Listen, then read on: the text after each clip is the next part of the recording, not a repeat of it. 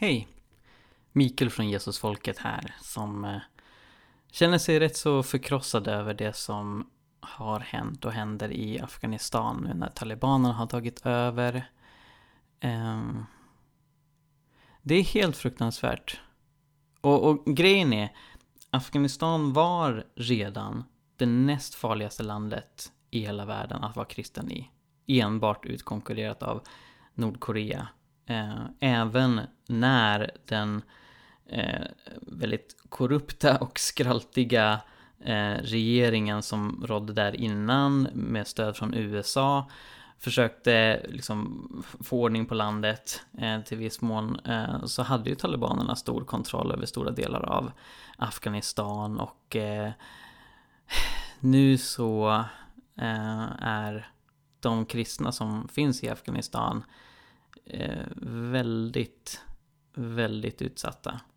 Eh, jag har faktiskt tagit del av några meddelanden från afghanska kristna, inte direkt utan det är via kontakter som jag har. Eh, en av dem eh, skriver så här att våra bröder och systrar eh, som finns i alla provinser i Afghanistan vet att i talibanernas ögon så förtjänar vi döden be för beskydd för oss. Att vi ska kunna ta oss fram. Att vi ska ha vishet och att vi ska behålla en stark tro. En annan kristen person i Afghanistan har eh, skickat det här budskapet. Om vi överlever det här och om våra barn överlever så eh, överge oss inte.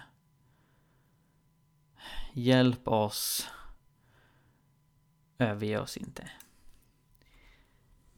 Eh, och det, det är förstås överväldigande, eller det är, det är svårt att veta vad, vad kan man göra, vad ska man göra och, och något som jag själv ofta kommer tillbaka till är det Moder Teresa sa att ingen kan göra allt men alla kan göra små handlingar med stor kärlek.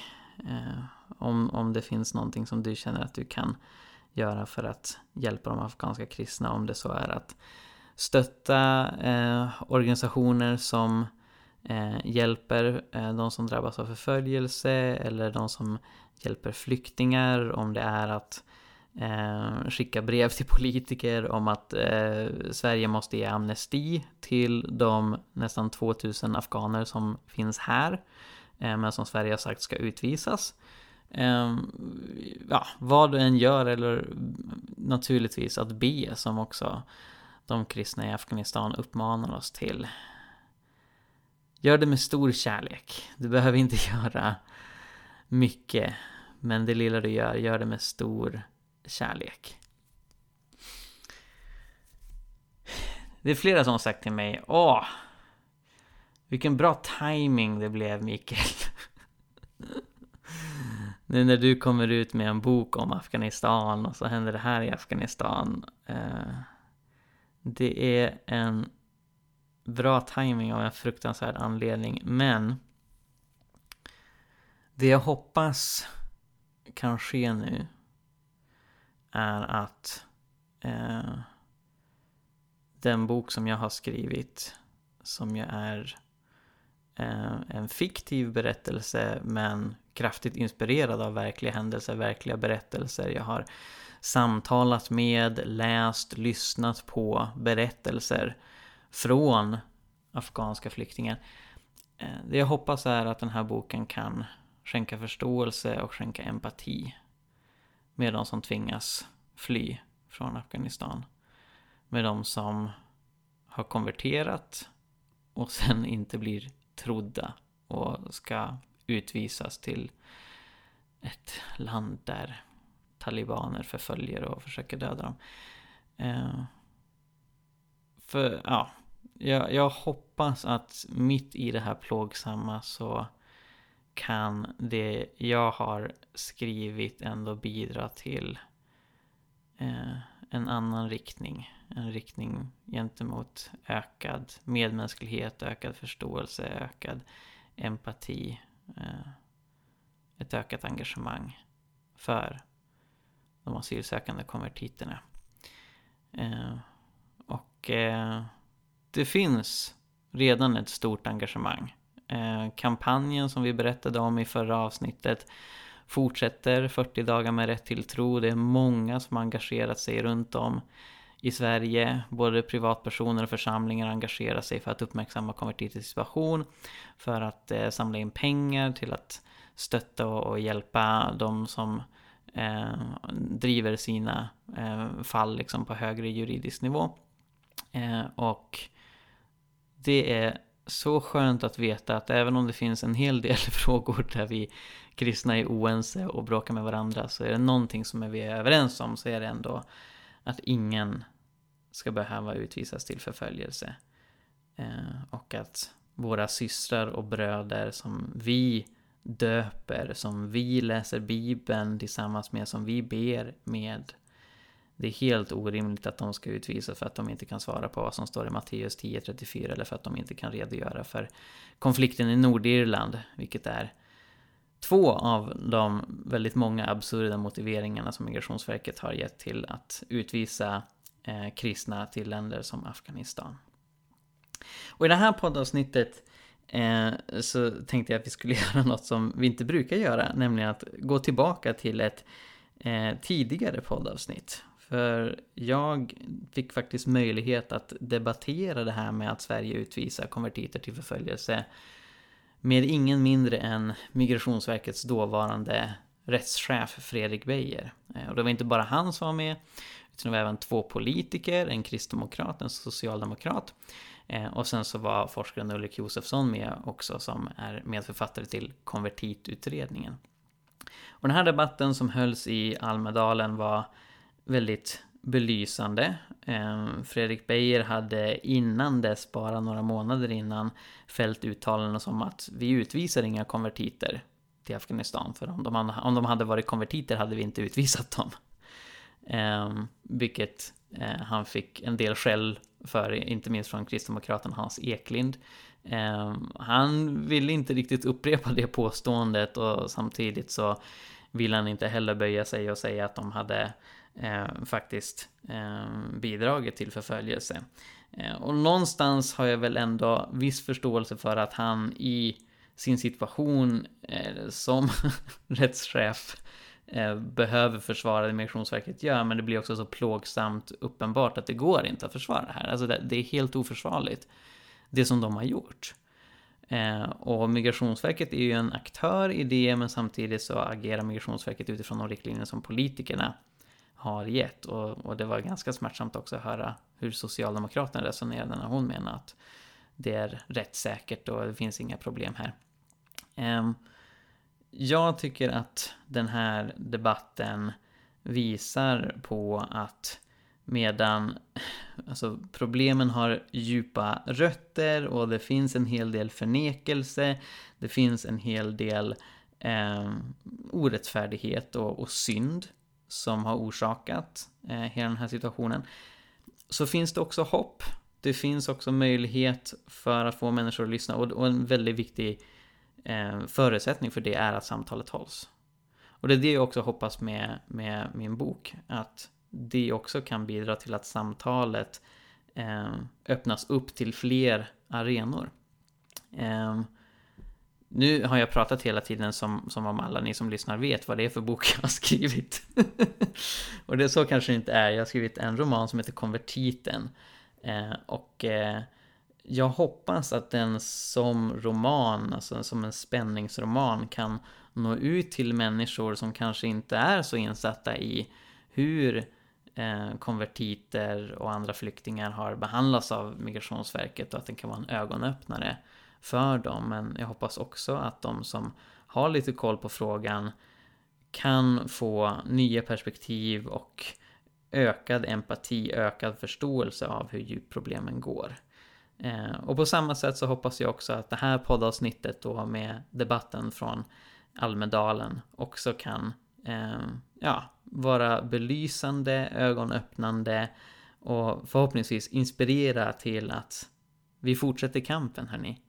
Ehm, för ja, men jag tycker ändå att det, det, stora hotet det är egentligen att, att frågan tystnar, att vi slutar prata om det här.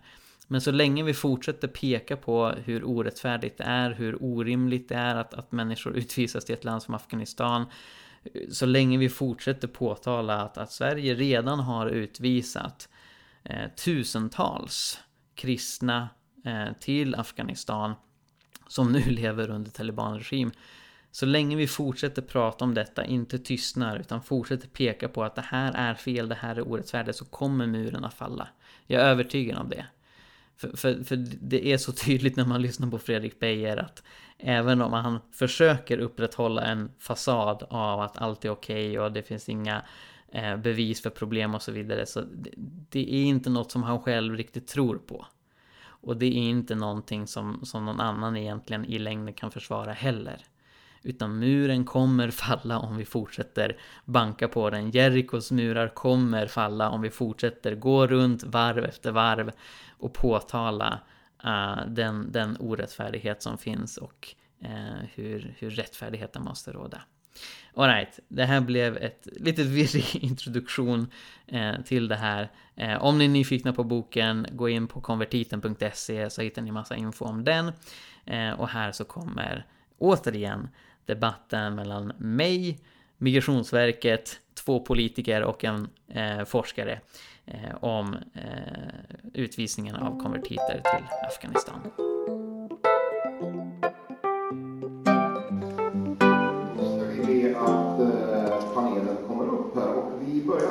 Mikael Grenholm kan komma högt här, som är pastor, engagerad i asylfrågor. Och sen har vi Fredrik Beijer, rättschef på Migrationsverket. Välkommen du också. Och vi har två politiker här också. Carina Olsson, socialdemokrat, eh, sitter i socialförsäkringsutskottet. Är det så? Och vi har Hans Eklind som är eh, kristdemokrat, riksdagsledamot, sitter också i socialförsäkringsutskottet. Nu ska vi se, ska vi Ska vi ha ett politikerbord här borta? Ni är nästan politiker? Okej. Ska jag stå med? Ja, det. Hörni, eh, det var ju en ganska eh, besk kritik, får man väl säga, mot eh, Migrationsverket, Fredrik. Vi vill säga först att det är hedervärt av dig att vara här. Du har läst den här rapporten så du vet vad som sägs i den. Jag har läst rapporten, jajamensan. Ja. Ja, jag har fått många frågor om den alltifrån den kom, så absolut. Ja. Så jag tänkte helt enkelt efter, efter Ulriks uh, korta dragning här att, mm. att du får kommentera lite grann. Finns det någonting som, som, som ni tar till er i det här? Och finns det saker som du ser som problematiska? Uh. Gör lite grann för det och så ska vi fortsätta föra samtalet sen. Mm. Uh, inte kanske ta allt på en gång, men, utan vi har chans att komma tillbaka också. Men, men varsågod. Vad tänker du? Mm. Nej, men alltså, är ni rätt så säkra? Om vi är rättsosäkra? Nej, det tycker jag förstås inte. Eh, däremot så är vi, ska vi alltid vara ödmjuka med de problem som finns i, i prövningen. Det tror jag, det måste man vara medveten om. Det innebär inte att man är rättsosäker. Och att man någon gång inte gör en bedömning som är hundraprocentig innebär, för det finns, rättssäkerheten finns i systemet här, det måste man komma ihåg. Eh, vi är inte den enda parten. Däremot ska vi förstås göra allt för att vi ska vara så duktiga som möjligt. Som möjligt. Eh, rapporten är ju jätteintressant. Eh, den är spännande framförallt på det sättet att det är första gången som jag, alltså jag hamnar ofta i den här typen av situationer. Jag kom precis från ett seminarium där jag ställdes mot väggen som det handlade om hedersvåld. Ehm, där jag fick ersätta generaldirektören sista kvarten och det blir ofta att man pratar enskildheter och enskilda ärenden. Det här är, tycker jag, ett ambitiöst sätt att försöka på ett annat sätt visa helheten. Och det tycker jag är föredömligt. Eh, jag tycker dessutom att den är, den är bra skriven. Den är möjligtvis, jag känner igen, eh, jag känner igen, man, det blir lite, vet, eh, samma som vi gör ibland, man blir lite högtravande i rapporten ibland. Det blir vi också nämligen. Jag känner igen de här sakerna, att liksom, det blir lite, lite juridiskt ibland kan jag tycka. Men juridiken är bra. Eh, jag tycker den är, eh, och det är jätteintressant framförallt för att man har lyckats hitta ett så stort, en så stor mängd ärenden. Det är väldigt svårt för oss nämligen att själv leta efter ärenden som handlar om religion som asylskäl eller att någon har konverterat. För vi kan inte följa det i våra register. Det är mycket enklare att leta efter någon som är från Madagaskar, för det kan vi lätt hitta. Men just skälen till asyl är svåra. Och det gör att vi ofta får antingen göra en uppföljning utifrån ärenden som är aktuella ute på enheterna eller att vi får göra det i en större uppföljning att vi hittar. Så vi kan sällan se så här stor mängd ärenden. Eh, sen, sen vad som då, så jag tycker rapporten är bra, vad jag då kanske eh, saknar, och det innebär inte att jag i alla lägen delar slutsatserna kan jag säga. Det är, man får skilja på rapporten och rekommendationerna och slutsatserna. Eh, men det är klart att de tendenser som, som rapporten pekar på, de finns i våra beslut ibland. Det gör de absolut. Och det har vi ju i våra egna uppföljningar sett, inte bara i konvertitärenden utan att man ibland resonerar på ett sätt som inte är tänkt att göra helt enkelt. Men det, eh, så det är inget nytt. Vi, vi såg det framförallt 2015-2016 i våra ärenden. Sen ser vi att det har skett en förbättringskurva, att vi, vi lär oss allt eftersom. Men 68 procent i den här undersökningen då får ju mm. alltså avslag av asylsökande som är döpta och medlemmar i olika frikyrkor. Är inte det en väldigt, väldigt hög siffra?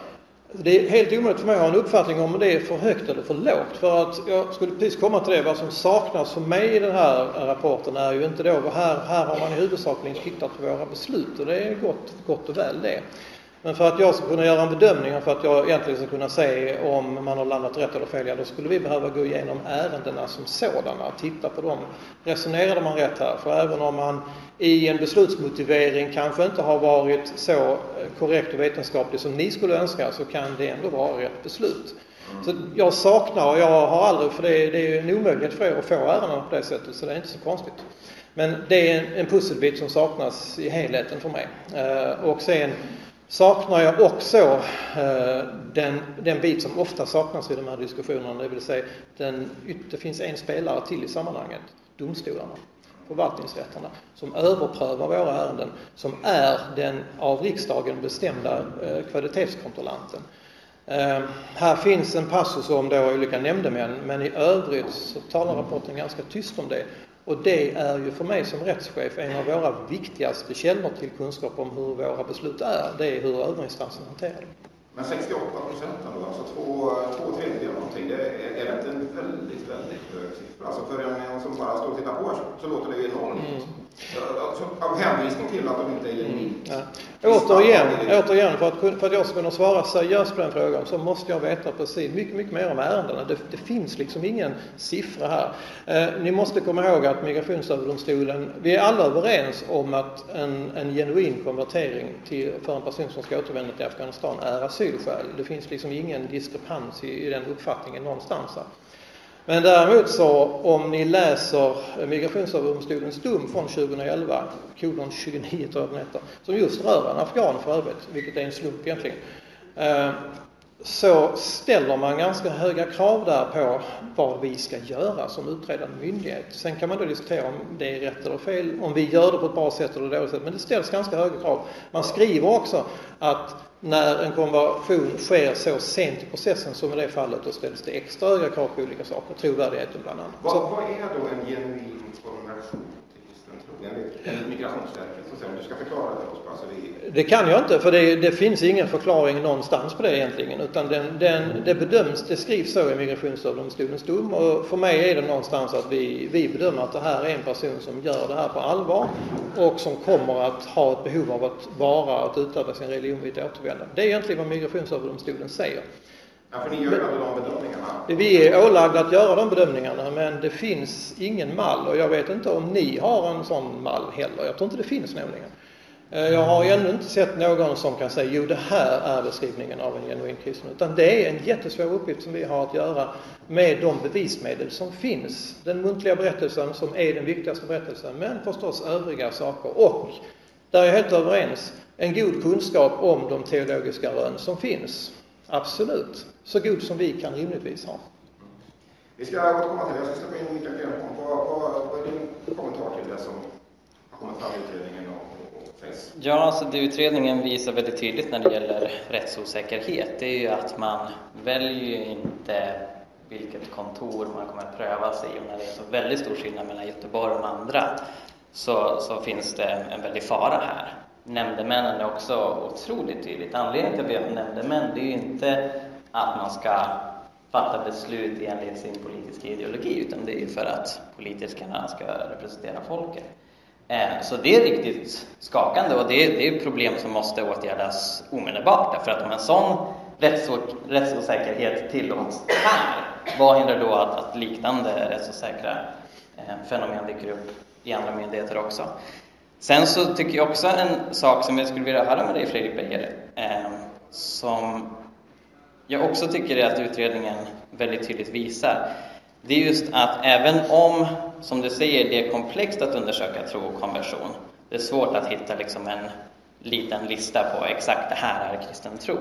Men det finns ändå en gedigen religionsvetenskaplig hållning i vad som är genuin tro, vad som är konversion. Och det verkar ju som att ni inte alls har tagit hänsyn till det, utan att det ni fäster vikt vid, och då är det ju den egna berättelsen, intellektuell eh, förmåga att resonera kring tron, kunskapsfrågor dyker upp här och där. Det stämmer ju inte överens med vad religionsvetenskapen säger eller vad UNHCR, Europadomstolen och så vidare säger.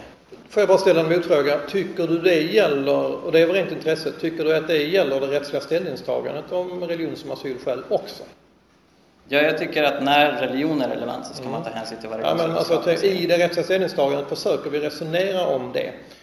Tycker du att vi gör det på ett bra sätt eller brister vi även i, i våra interna styrdokument?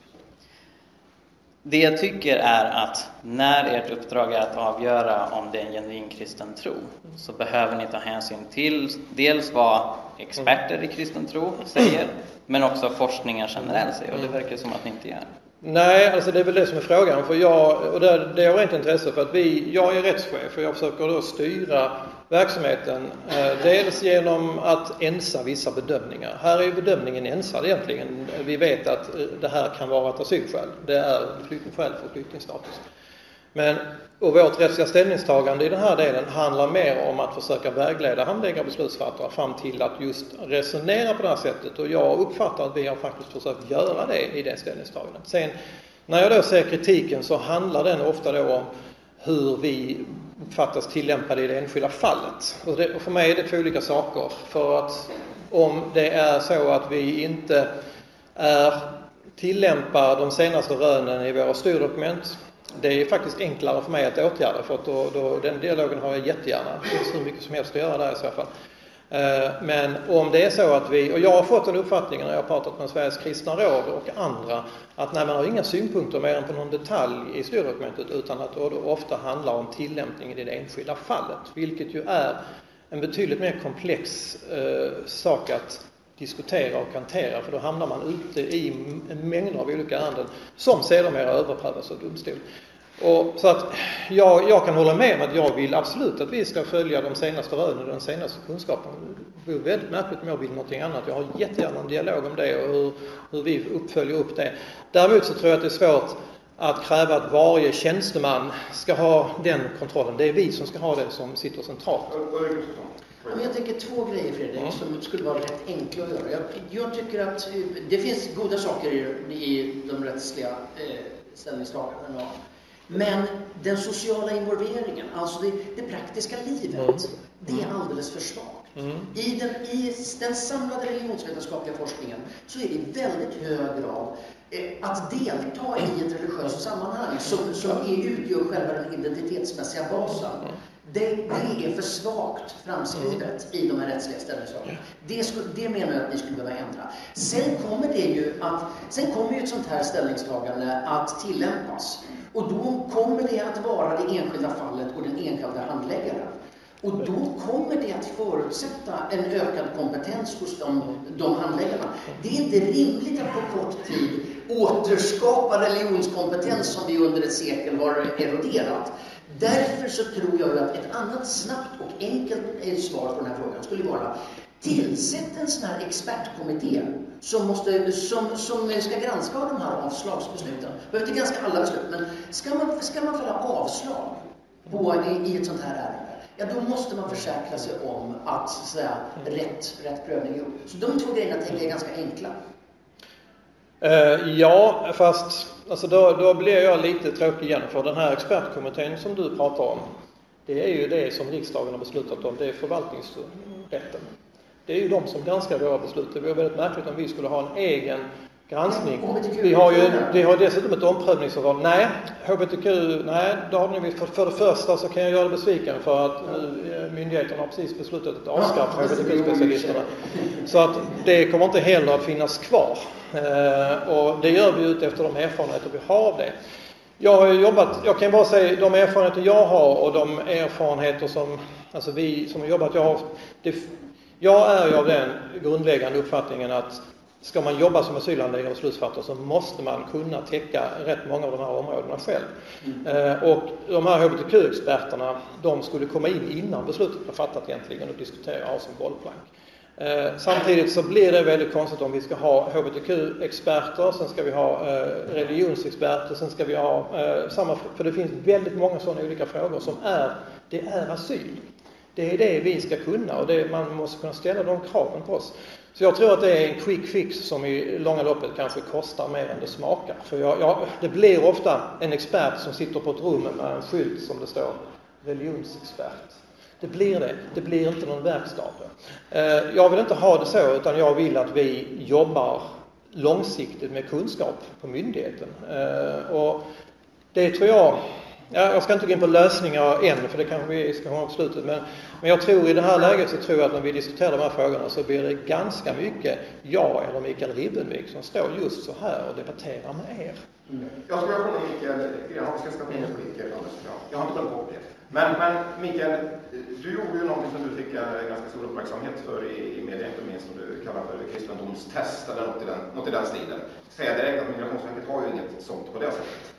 Eh, men, tack, tack, för det, det var bra ja, att du sa det, slapp jag säga det. Slapp jag säga det, jag visste att du skulle säga det. Men, men däremot det du gjorde var att du tog ett antal eh, frågor som Migrationsverket i olika eh, ärenden har ställt och ställde samman dem där. Och sen fick man då gå in och testa sig om man kunde svara. Så fanns det någon gradering och visade sig att även biskopar och andra klarade inte den där, det där testet.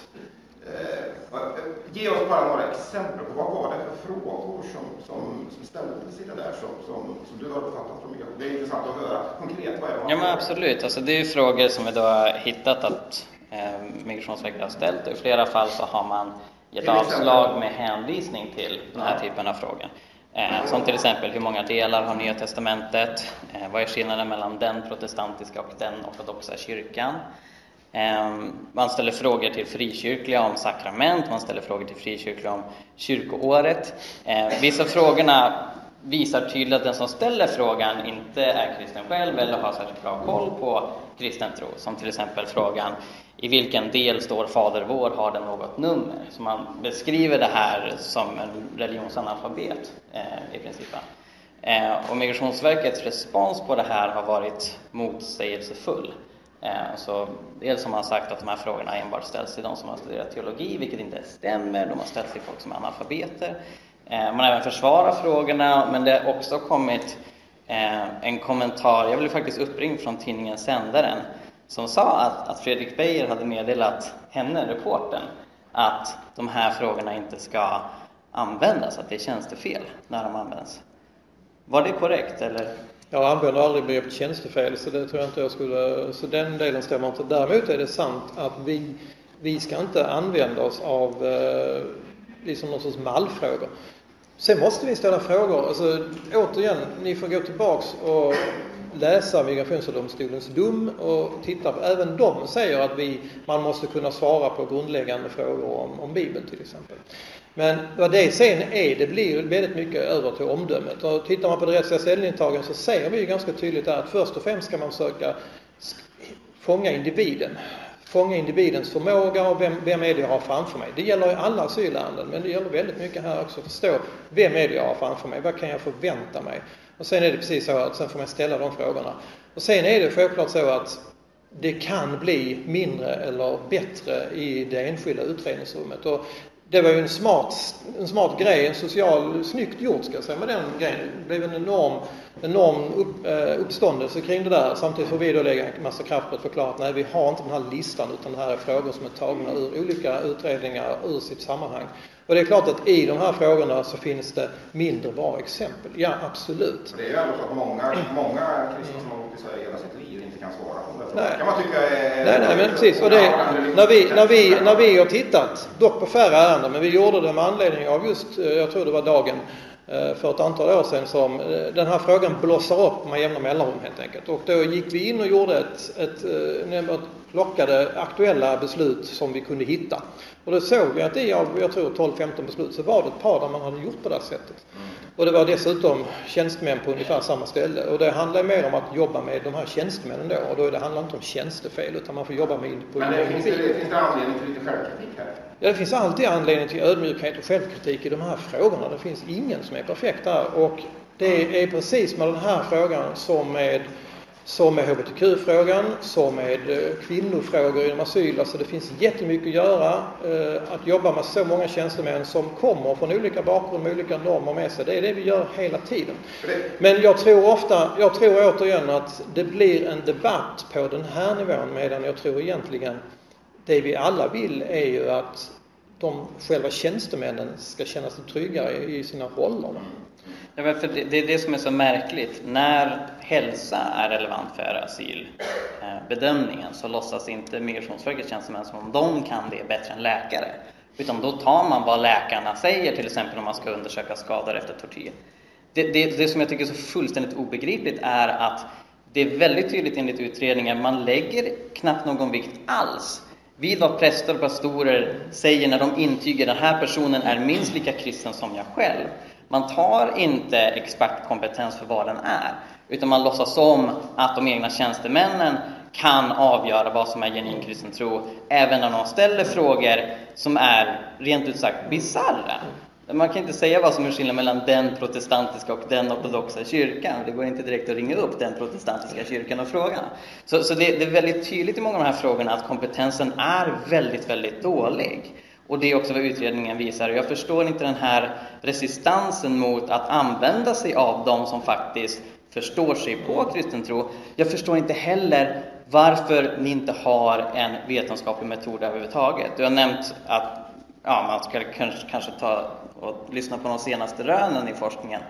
Problemet är att ni verkar inte utgå från forskning alls, utan ni har en egen bild av vad som är genuin kristen tro som inte stämmer överens med vad som mm. faktiskt är fallet. Det var många frågor på en gång. Jag ska försöka, eller många påståenden och uppgifter på en gång. Jag ska försöka Eh, jag håller inte med dig om att vi agerar på ett annat sätt här än vi gör till exempel med läkarintyg. Eh, jag får jättemånga arga brev från läkare som tycker att vi inte bryr oss om deras läkarintyg. Är, vi tar ju in dem för att få en, en, medicinsk diagnos, men sen vad den betyder i ärendet är någonting annat. Och det är den bedömningen vi gör. Och det är inte alltid vi är överens med läkaren om vad det får för konsekvenser för uppehållstillståndet. Samma sak här, vi tar ju in de här bedömningarna. Vi tvivlar inte på att ni har tagit in dem i församlingen på något sätt. Fast det är inte det som är vår fråga alltid. Däremot så ser jag absolut en möjlighet till att jobba närmare eh, de akademiska kunskaperna här. Jag har inga problem med att fördjupa vår kunskap och så, således också våra styrdokument i de här delarna. Jag är inte säker på att det är den enda metoden. Jag tror att man behöver jobba med tjänstemännen också på dagsbasis i de här frågorna. Nu ska vi komma in på politikerna. Carina Olsson, mm. vad säger du när du lyssnar på detta? Jag tycker det så tyck, hörs jag eller? Ja, ja, det var jag som inte hörde mig själv. Eh, jo, det som jag tycker är oerhört viktigt det är ju att den här typen av diskussioner och också frågor kommer in. För vi har ju haft, eh, haft uppe det i, eh, i socialförsäkringsutskottet och då hade vi också Eh, Eh, Migrationsverket med oss, både Fredrik och Mikael, och också lyfter upp och diskuterar hur hanterar vi den här typen av frågor. Eh, och det tycker jag är oerhört viktigt för att det också ska finnas en, en diskussion och också görs det på rätt sätt. Och, och vi som politiker eh, ska ju inte gå in i enskilda ärenden, för det är myndigheten som har satt att göra det. Eh, men däremot så betyder ju inte det att vi inte ska diskutera med olika grupper i samhället som känner att nej, men vi har inte riktigt fått vår röst hörd. Jag som jobbar med, med kvinno och jämställdhetsfrågor kan säga att jag har mött väldigt många diskuteras just eh, hur kommer genusvetenskapen och, och mäns våld mot kvinnor? Eh, vad händer till exempel när flickor från Afghanistan är med i en film till exempel då, eh, och kunna återvända till ett land där, där man då troligtvis kommer att få det väldigt svårt om man har pratat om, om till exempel kvinnors och flickors rättigheter. Eh, och det där tycker jag är oerhört viktigt, att det måste vi hela tiden också diskutera, både i utskottet, i samhället i stort, men också med Migrationsverket. Och vad drar du för slutsatser här? Ja, jag, för, för sen när ni, när ni sätter upp de här siffrorna så är det ju väldigt svårt att säga så här, nej men det här är fel siffror. Eh, för man kan ju också vända på det och säga att de här 32 procenten som då är bedömda, vad gör att de 32 procent, ja för det var 68 procent som ni sa är icke-genuina. Och då tänker man så här, vad är det de 32 procenten då som, som, för det är ju också viktigt att titta på det också, och se Finns det någon skillnad? Vad kan man se? Vad kan man dra för lärdom av det? Reflektionsförmåga. Ja. Mm. Och, och, och, det är de smarta som får asyl. Ja, mm. ja det, det var ju er bedömning. Ja, det är, det är ja, bedömningen ja, som utredning. Ja. Eh, och, och, det kan man säkert säga om flera olika frågor, för att det är klart att om man har en uttrycksförmåga så är det ju också enklare i samhället överallt, alltså oavsett. Vi som står här är ju också bra på att uttrycka oss och prata. Så. Ja. Eh, så att då kommer man inte tas. Men det ska ju inte, jag tycker inte att det ska få vara avgörande såklart, utan vi måste ju ha ett rättssäkert system. Eh, så att, eh, så att och då kände jag mig ändå trygg med det när vi hade den diskussionen i utskottet, när man har lyft upp frågan, när man har fått rapporter och också kontakt med Sveriges kristna råd och i styrdokumenten och så, och också att, att Sveriges kristna råd får yttra sig över styrdokumenten, så tycker jag att det är en demokratisk och bra process. Så att, så att det känner jag mig trygg i. Sen så kan det självklart finnas enskilda ärenden som jag tycker ändå, även om jag inte lägger mig i dem, men som, som jag tycker att nu har det här blivit bra liksom, från Migrationsverket och då är det ju bra att vi både har eh, domstolarna, liksom två instanser att kunna pröva, för att det kan ju också ändra praxis för Migrationsverket, som till exempel när det handlar om familjeanknytning då, som, som är, diskuteras mycket här också. Då hade Migrationsöverdomstolen en annan åsikt än än både vi politiker och Migrationsverket. Hans Eklind?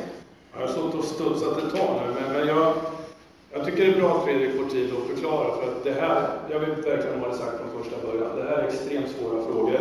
Ni som inte känner mig, jag är riksdagsledamot nu för KD, men jag är till min profession egentligen präst, församlingsledare i Örebro. Och jag har ju naturligtvis då stött på det här med konvertiter långt före min politiska gärning. Och det här är, så det är en viktig fråga för mig, för att jag, jag ser att det ligger inte bara en hund, utan det ligger en kennel begraven i den här frågan. Så den är viktig att vi borrar i den. Men jag vill också ha det sagt så att alla förstår. Migrationsverkets handläggare har att ta ställning till människor som faktiskt ljuger om sin konversion också. Som ett skäl att få uppehållstillstånd. Och hur ska då Migrationsverkets handläggare kunna göra det här så rättssäkert som möjligt? Det har varit min infallsvinkel i mitt engagemang i den här frågan. Och jag kan ju konstatera att som Carina säger så var Migrationsverket hos socialförsäkringsutskottet, där jag också sitter. Men det hon inte sa, det är att regeringen har faktiskt tagit intryck av den kritik som har kommit. Därför att den 14 mars i år så ändrar man i regleringsbrevet för Migrationsverket när det, när det gäller just sådana här frågor som där religiös uppfattning åberopas. Det jag bara skulle vilja säga två korta kommentarer. Jag har lyssnat till Fredrik och det är en klok man i många stycken. Men jag lyssnade på den när du var intervjuad av Sveriges Radio. Och då säger du så här, att Migrationsverket som sekulär myndighet bedömer genuint kristen tro, medan kyrkor bedömer om personer ska vara en del av en församling. Och då ropar jag lite högt för mig själv, eh, nej. Alltså, jag som präst, jag bedömer huruvida personen som vill låta döpa sig har en genuin kristen tro. Det är absolut ett måste för varje pastor och präst att göra den bedömningen. Det handlar inte om, jag bedömer om personen kan vara en del av församlingen, utan huruvida finns det relevanta skäl. Är den här personen verkligen ärligt en person som vill leva i gemenskap med den uppståndne Herren? Det är det viktiga. Eh, det andra som, som jag också skulle vilja kommentera, därför att Fredrik har redan dragit upp det här, kommer alltid upp den här frågan, nämligen att det finns ett domslut från 2011, alltså ett prejudikat som det så vackert heter. I det här prejudikatet, vilket man inte nämner så ofta, så står det också så här, jag ska läsa för er att man ska bedöma i vilken grad den asylsökande kommer att ha ett behov av att leva ut sin tro. Och då studsar jag som präst, naturligtvis, och som kristen. Vilket behov jag har av att leva ut min tro. Då har man ju inte greppat innebörden att vara kristen överhuvudtaget. En kristen är ju en person som lever ut sin tro var som helst, annars är det ju inte kristen tro. Det är ju inte att man slår av och på när man vill, det är ju inte ett jobb man går till. Utan det är någonting man lever i relation till. Så det här kan jag känna, den här meningen har stört mig väldigt, väldigt mycket av det skälet att man säger, och Fredrik har sagt det i flera intervjuer, och jag är helt övertygad om att Fredrik menar till 100 procent vad han säger, vi utvisar ingen till Afghanistan som har konverterat. Det har du sagt flera gånger. Av det skälet att i Afghanistan kan det vara lika med att ha ett dödsstraff hängande över sig. Som Johannes i förvaret i Gävle som säger till mig, när jag säger, hur känns det här Johannes, för han ska utvisas till Afghanistan? Då säger han, jag är ett lamm som kastas in bland vargarna. Mm. Men det, det som jag funderar på lite grann, jag vet inte om jag har rätt eller fel i det här, men är den där meningen om vilket behov man har av att leva ut sin tro, är det liksom en liten ventil? Att man ändå kan utvisa, därför att vederbörande behöver ju inte hålla på och säga att han tror på Jesus Kristus. Eh, personen kan ju smyga in till moské och sitta där och låtsas vara muslim. Alltså, är det så man tänker? För att det här behovet av att leva ut sin tro, det skulle jag ju vilja att det här prejudikatet får ett nytt prejudikat. Det stämmer inte om man vill bedöma vad genuin kristen tro är, för då slår man inte av och på den 8 till 5. Slut så långt. Slut så långt? Ja. Kommentera? Kommentera kan jag göra, jag kan inte svara för jag är ju inte Migrationsöverdomstolen. Eh, men ja, så, så säger Migrationsöverdomstolen.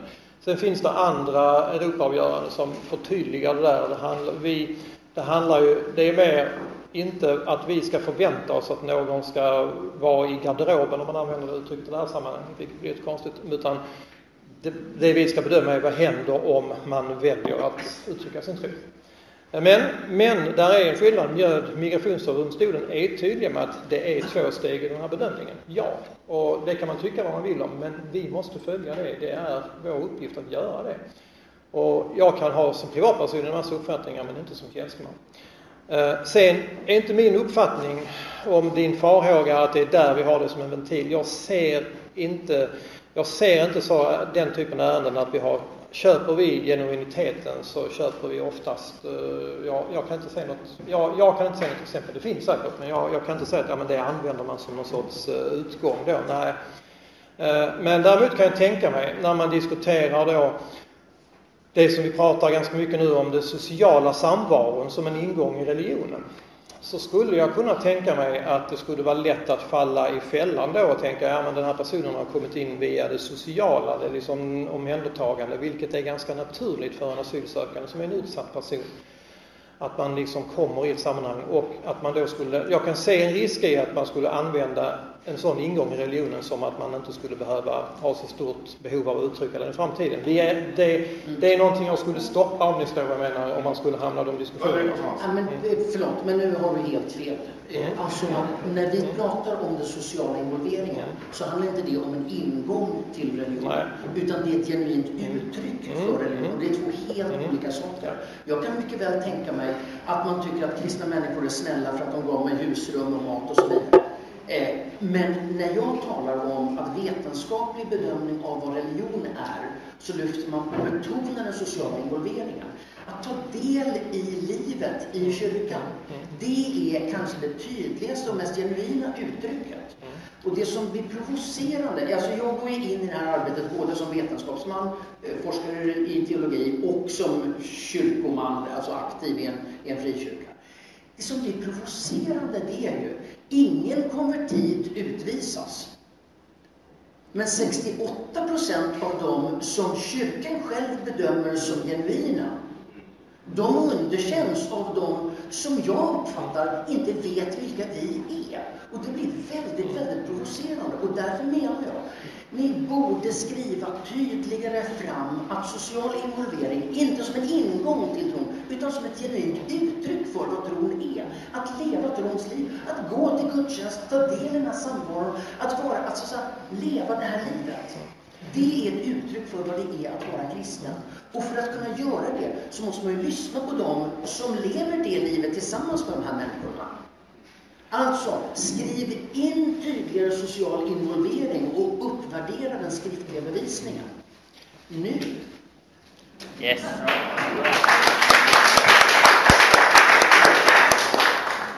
Eh, Hans Gustafsson. Får jag en chans Det är så bra, att... att det, det, här, det här har jag ju lyft flera gånger också. Varför är våra intyg, varför tillvitas de ett ringa värde? Alltså jag, jag ska erkänna inför den här församlingen, det gör jag gärna. Jag har stoppat människor att döpas i min kyrka. Därför att de var bara intresserade av ett dopbevis så att de skulle få ett uppehållstillstånd. De var inte intresserade av att gå igenom den här processen när jag la fram det. Att ja, men då ska vi ha samtal. Alltså, jag vill inte att människor ska döpa sig om de inte har en genuin, om de inte har blivit omvända, för det är så vi säger när man, man är vuxen. Men så att jag, jag tar det här väldigt seriöst som präst i mitt ämbetsutövande. Och då tänker jag någonstans att jag har skrivit något intyg, men jag förstår ju när jag läser en konvertitutredning, måste läsa en fantastiskt bra utredning, då läser jag ju svart på vitt att vad jag tycker, det är i princip ointressant. Trots att jag har suttit och gråtit, skrattat, bett i timmar med konvertiten, så är det ointressant om jag gör bedömningen om huruvida det har kommit en tro, en äkta tro, ett möte mellan den uppståndne och den här konvertiten. Det är ointressant. Och för mig är det här helt obegripligt. Alltså jag kan inte begripa, för jag säger att jag är inte expert på mycket, men jag tror jag är ganska duktig på att som präst efter så många år och avgöra huruvida det har uppstått ett möte mellan den jag sitter och pratar med och Jesus Kristus. Och då spelar det ingen roll om man är analfabeter inte kan prata bra engelska och så vidare, för man märker att här finns någonting. Så det, det gör mig oerhört upprörd över att den här skriftliga bevisningen tillvitas så låg bevisning. Och det gör mig ännu mer upprörd när jag får höra från flera advokater att vittnen har i allt högre utsträckning avvisats från Migrationsöverdomstolens förhandlingar exempelvis, alltså karaktärsvittnen. För det är också en väldigt viktig del för en konvertit att kunna få upprättelse. Det är också att den person som kanske kan bättre svenska, som har möjlighet att använda de här rätta orden, kan få göra det. För de här konvertiterna, ni som har träffat dem, ni vet att många är analfabeter och de har inte det här språket. De kan inte gestalta sin tro på den här kristna språkdräkten som vi som är kristna är bekanta med. Och då behöver man oftast ett vittne som kan hjälpa till att berätta. Och där skulle jag tycka att nagelfar, precis som du säger Ulrik, nagelfar hur den här omvändelsen efter dopen, hur har det sett ut det här livet? För är man genuint kristen, då lever man ut sin tro och då är det ganska enkelt att avgöra huruvida en tro eller inte. Carina. Eh, och det, när jag sa, så det var inte så att jag medvetet utlämnade när du sa att det är gehör från, från regeringen, utan det var ju det som jag menade, att vi har tagit upp de här... Vad, vad, vad säger ni i det här regleringsbrevet? Vad är det ni...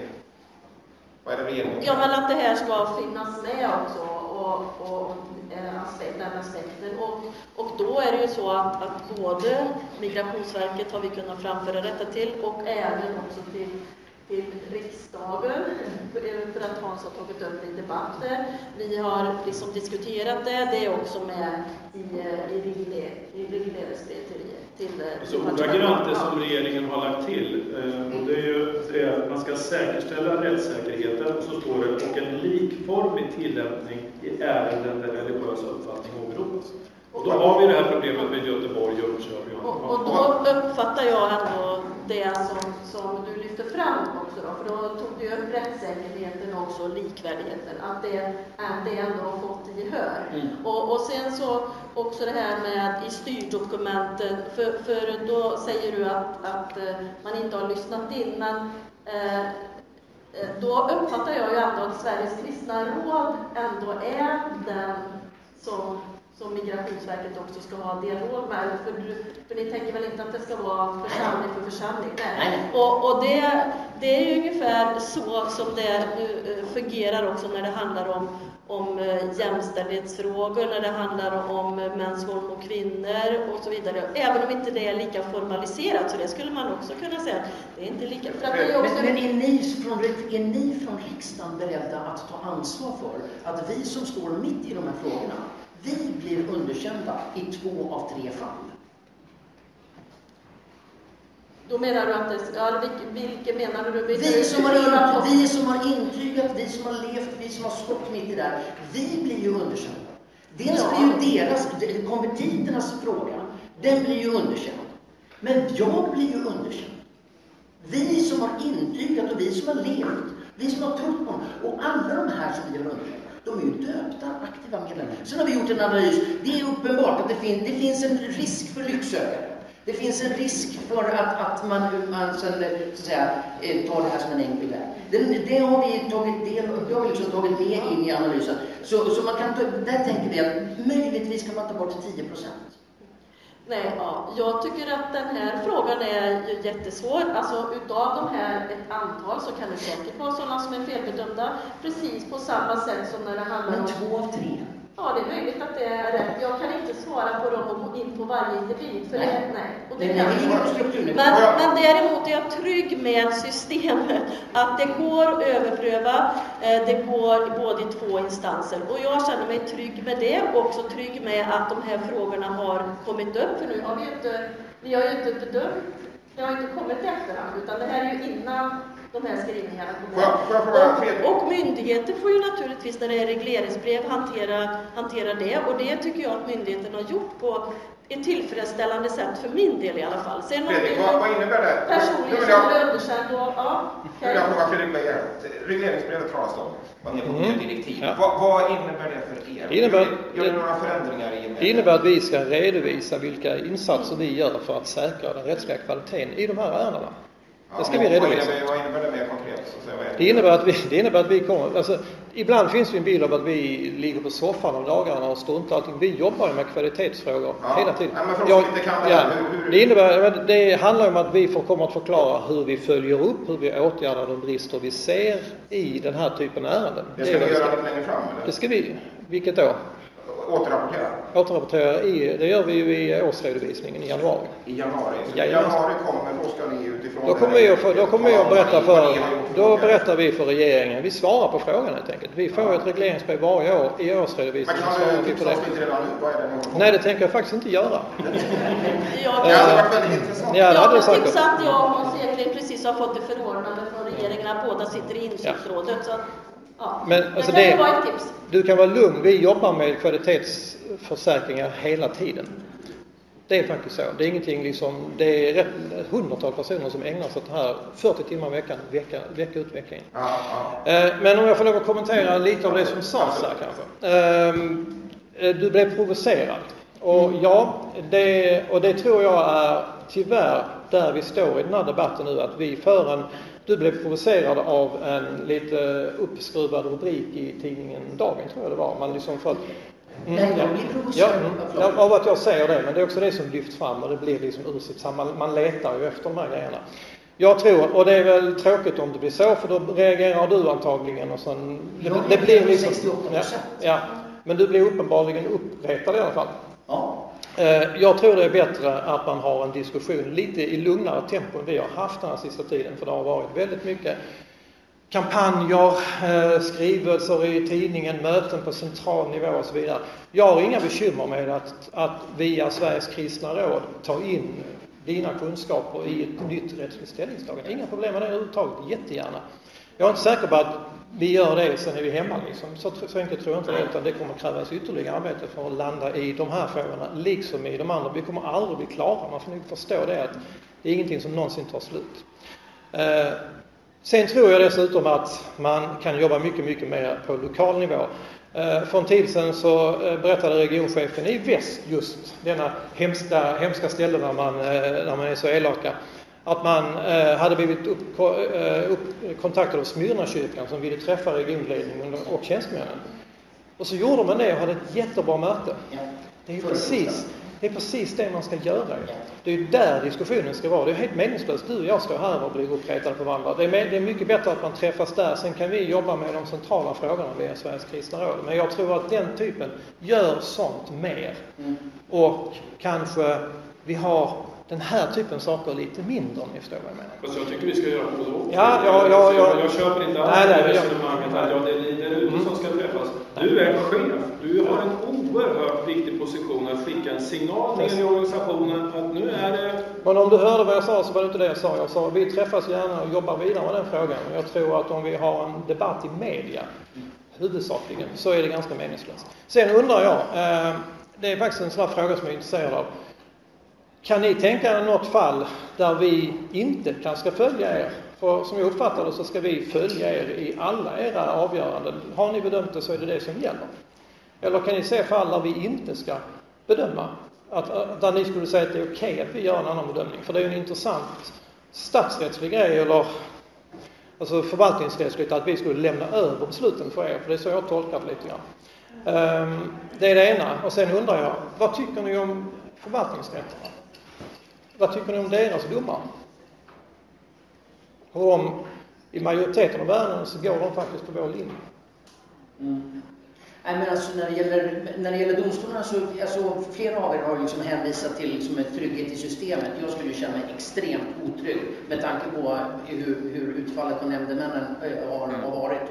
Precis. Eh, och sen kan man ju förstås tänka sig... Men innebär det att du underkänner det system som vi har idag? Nej, alltså jag har ju inte velat ha en diskussion om nämndemannasystemet, för nu diskuterar vi konvertit. Men om man i, i, rättstrygghets, rättssäkerhetsaspekt hänvisar till systemet och så visar den här undersökningen ah, men, men, men bortsett från nämndemännen, vad tycker du om domarna?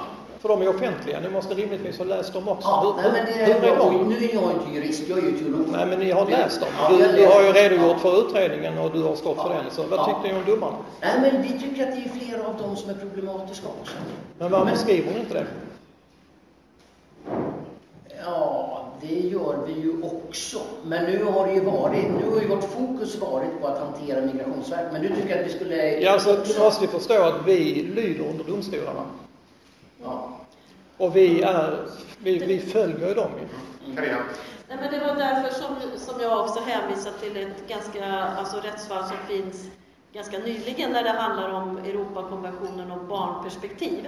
Eh, därför att då, då ligger det ju också till grund, och tycker jag själv som har stått upp för att man ska ha familjeanknytning, och då finns det också till och med att man kan understödja sig på Europakonventionen. Och, och ni tar ju upp ett fall som är för länge sedan, och det var alltså skrivningarna där, är det verkligen detta ska gälla. Så att det är ju också att det kan vara bra att det kommer fall som går detta upp och, och ni använder er av den expertisen. För jag underkänner ju inte dig, så du ställer den frågan, utan, utan det är klart att det är jättebra, många olika aspekter kommer in eh, när det handlar om, om friheter och olika konventioner. För det är klart att vi ska följa både Europakonventionen och andra konventioner i, i svensk alltså prövning, om, oavsett om det är i Migrationsöverdomstolen eller annat. Så det, det kan ju vara Hörrni, jag upplever det som att du får ett tips här från uh, rättschefen nu. Att, klockan, klockan går. Nej men alltså Fredrik, du, du, alltså, finns det något fall där, eh, där vi har liksom eh, intygat och, och ni fattar ett annat beslut? Men det är klart att det kan finnas sådana fall. Jag kan inte tänka riktigt på det. För där måste vi, det handlar ju om från fall till liksom. Ja, för det kan ju inte vara så att vi... vi Nej, men jag det låter på det som vi, ska, vi som myndighet, vi har fått ett uppdrag av riksdag och regering och så lämnar vi över beslutsfattarna till er och sen tar vi Eh, hälsofallen och lämnar över dem till läkarna så funkar det inte. Ja, ni, ni, måste fatta, ni är ansvariga för de här beslutsprocesserna och ni måste stå för de beslut ni fattar. Det jag menar är att jag tycker att det är en för låg värdering av social involvering och det, och det levda livet. Och därmed är det för låg värdering. Jag menar ju inte att den ska vara hundraprocentig, men det, i dagsläget så är den för låg. Och för mig, jag känner mig inte personligt provocerad. Jag tycker att, det är provocer jag tycker att 68 procent är provocerande mot en hel yrkeskår som har intygat.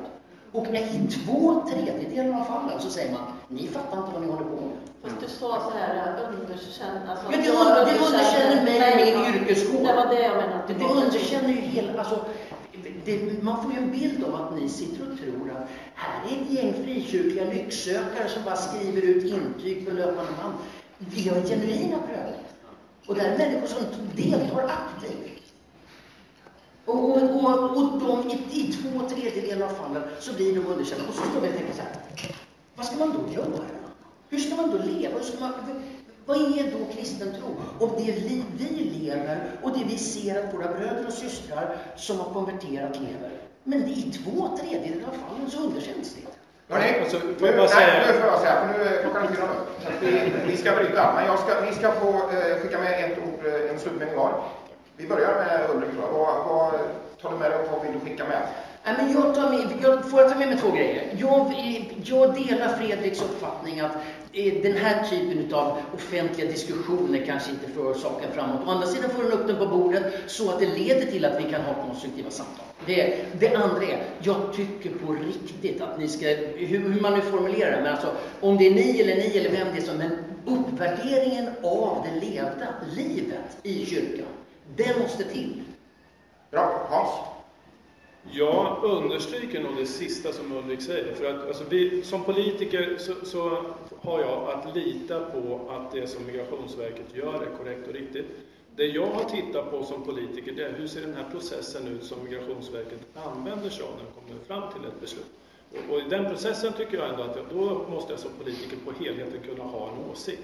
Och min åsikt är den att när en präst eller en pastor skriver ett intyg så ska den värderas tyngre i ett sådant läge där prästen och pastorn faktiskt kan visa på att vederbörande har vandrat med den här konvertiten under en längre period. Då måste den tillvitas ett tyngre värde i Migrationsverkets betydelse, hur de sen fattar beslutet. Det har Fredrik rätt i. Det är inte vi som tar över, eller kyrkan ska inte ta över det.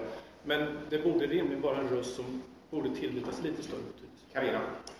Jag tycker det är oerhört viktigt att, att lyfta saker om man inte tycker att nej, men det här känns inte som det går rätt och riktigt till och, och, och det är eh, en del tvivlar om det är rättssäkert. Eh, då är det klart att man måste lyfta diskussioner och det kan man ju både göra offentligt men det är också bra att göra det i samtal också då för att se finns det någonting som vi skulle kunna lyfta fram. Och jag tycker ändå att det är, känns tryggt att det faktiskt är så att Sveriges kristna råd är med och påverkar styrdokumentet, för det tycker jag är demokratiskt bra. Att vi kan också lyfta det i riksdagen så att vi till och med så att regeringen ändrar styrdokumentet. för det är inte alltid det sker, ska jag säga, även om jag tillhör ett regeringsparti.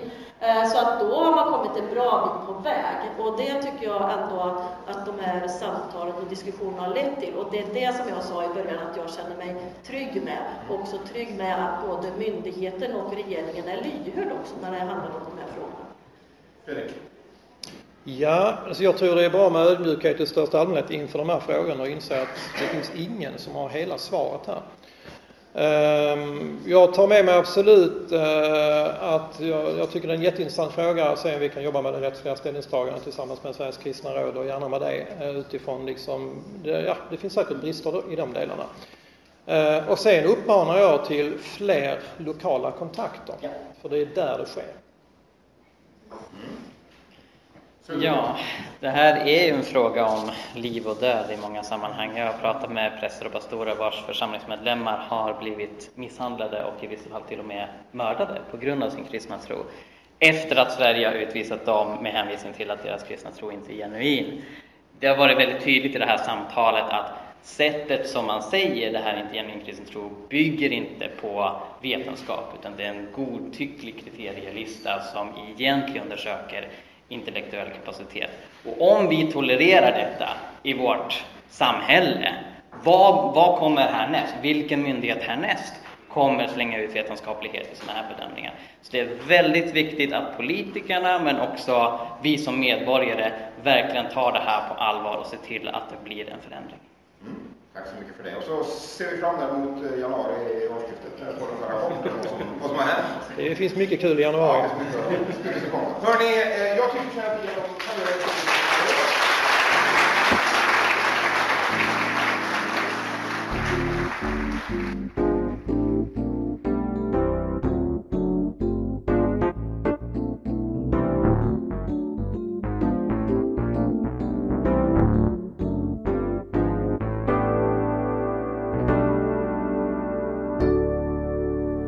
Tack så mycket för att du lyssnade på Jesusfolket. Om du vill höra mer, så se till att prenumerera på iTunes, Spotify eller valfri podcastapp. Du kan också lämna en recension, vilket är en eh, liten grej att göra som hjälper oss väldigt, väldigt mycket, så det uppskattar vi verkligen. Ehm, du kan också läsa vår blogg, Hela Pingsten. Vi har mängder med artiklar där om andens gåvor, evangelisation, fred, rättvisa och allt möjligt annat som har med lärjungaskap att göra, så kolla in det. Och vi finns på sociala medier, du kan följa både Jesusfolket och hela pingsten på till exempel Facebook. Tack så mycket, Gud välsigne dig och eh, fortsätt vara en del av Jesusfolket.